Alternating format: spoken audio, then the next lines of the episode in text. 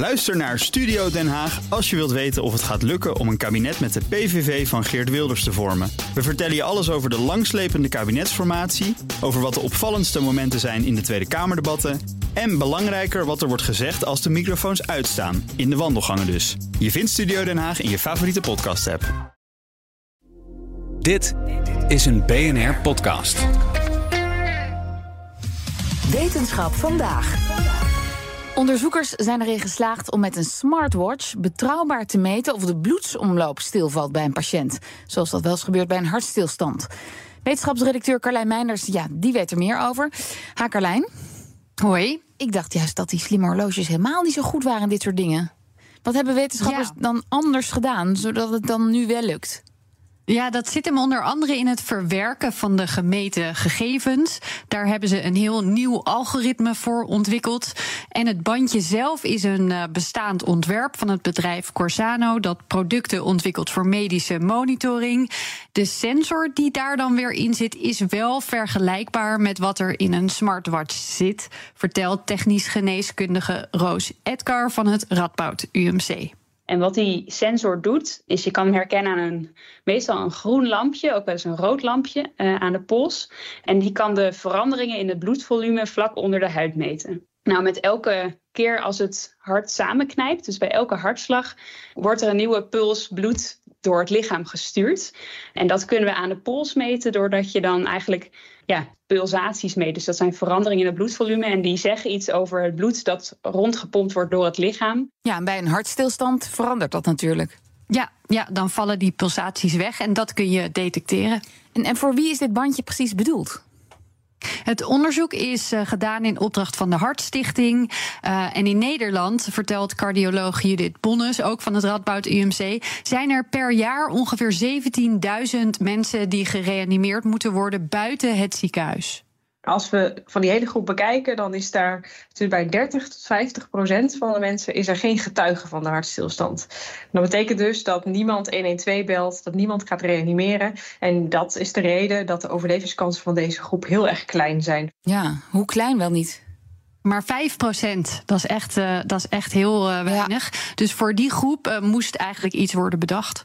Ja, maar goed, ik neem aan dat niet iedereen die wel eens alleen is, straks met zo'n bandje om kan gaan lopen. Nee, eh, dit zou dan vooral bedoeld zijn voor mensen die al een verhoogd risico hebben op een hartstilstand. Maar dan ook weer niet zo'n groot risico dat ze bijvoorbeeld een inwendig kastje nodig hebben dat eh, zou moeten ingrijpen. Ja, en, en hoe hebben ze dit ontwerp getest? Daar vertelt Roos Edgar meer over. We hebben bij verschillende patiëntengroepen die verschillende procedures aan het hart ondergingen gevraagd of zij het polsbandje willen dragen tijdens die eh, ingreep. En eh, tijdens die ingreep werd dus als standaard onderdeel van die procedure zo'n eh, soort van hartstilstand opgewekt. Ah, oké, dus voor die patiënten veranderde er niets aan de ingreep. Nee, nee, die moesten ze sowieso al ondergaan. En het was dus ook al zo dat ze voor die ingreep de bloedsomloop tijdelijk onderbroken moest worden. Ze hadden natuurlijk vooraf wel toestemming gegeven dat dit mocht. Dat bandje dragen tijdens de ingreep, ook voor het verwerken van de data. Want die werden weer gebruikt voor het ontwikkelen en testen van het algoritme. In totaal hebben we in 291 patiënten data verzameld. En eh, daarvan hebben we een deel gebruikt om een algoritme te ontwikkelen. Dus om te kijken van hey, wat zien we nou in het signaal eh, gebeuren tijdens zo'n opgewekte hartstilstand. En hoe kunnen we dat polsbandje leren om dat te herkennen? Dus dat hebben we in een deel van die dataset gedaan. En in het laatste stukje van de dataset hebben we, zijn we eigenlijk vanaf gebleven de hele tijd. Zodat we aan het einde nog konden testen op een dataset die nog onaangeraakt was. Ja, en wat zagen ze dan toen? Dat het bandje en algoritme goed presteerden. 98% van de opgewekte hartstilstanden werden goed herkend. Oké, nou, de 98 procent is een mooi resultaat. Maar ik neem aan dat Ja. er nog wel nieuw onderzoek of vervolgonderzoek volgt. Ja, ja, het liefst willen ze natuurlijk sowieso op 100% zitten. En ze moeten bijvoorbeeld nog laten zien dat het bandje ook echt een spontane hartstilstand kan detecteren, vertelt Bonnes. Waar we nu ook mee bezig zijn, is dat we 300 mensen, zowel patiënten als gezonde vrijwilligers, gaan vragen om het polsbandje gedurende twee maanden thuis te dragen. Om dan te kijken hoeveel valse hartstilstandalarmeringen hebben. Want het wordt straks ook, hè, om, het, om het goed toe te kunnen passen in de praktijk, moeten ook die valse alarmeringen die moeten zo laag mogelijk zijn. En er is technisch gezien nog uh, genoeg ruimte voor verbetering? Ja, die is er nog wel. Uh, want nu is nog gebruik gemaakt van één sensor, zegt Edgar. Ja, uiteindelijk zouden we nog meer verschillende sensoren willen toevoegen aan het hartstilstanddetectiemodel. Om, om tot een zo hoog mogelijke betrouwbaarheid te komen.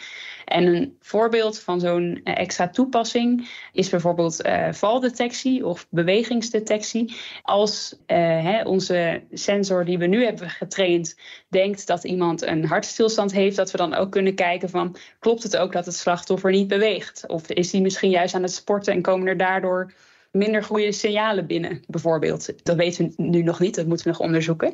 En een andere functionaliteit die we ook willen toevoegen is een alarmknop op het bandje. Zit er nu nog niet op. En daarmee hopen we dat als mocht er een keer een, een, een vals hartstilstandalarm optreden, dat de persoon die het bandje draagt ook lang genoeg de tijd heeft om dat alarm te annuleren.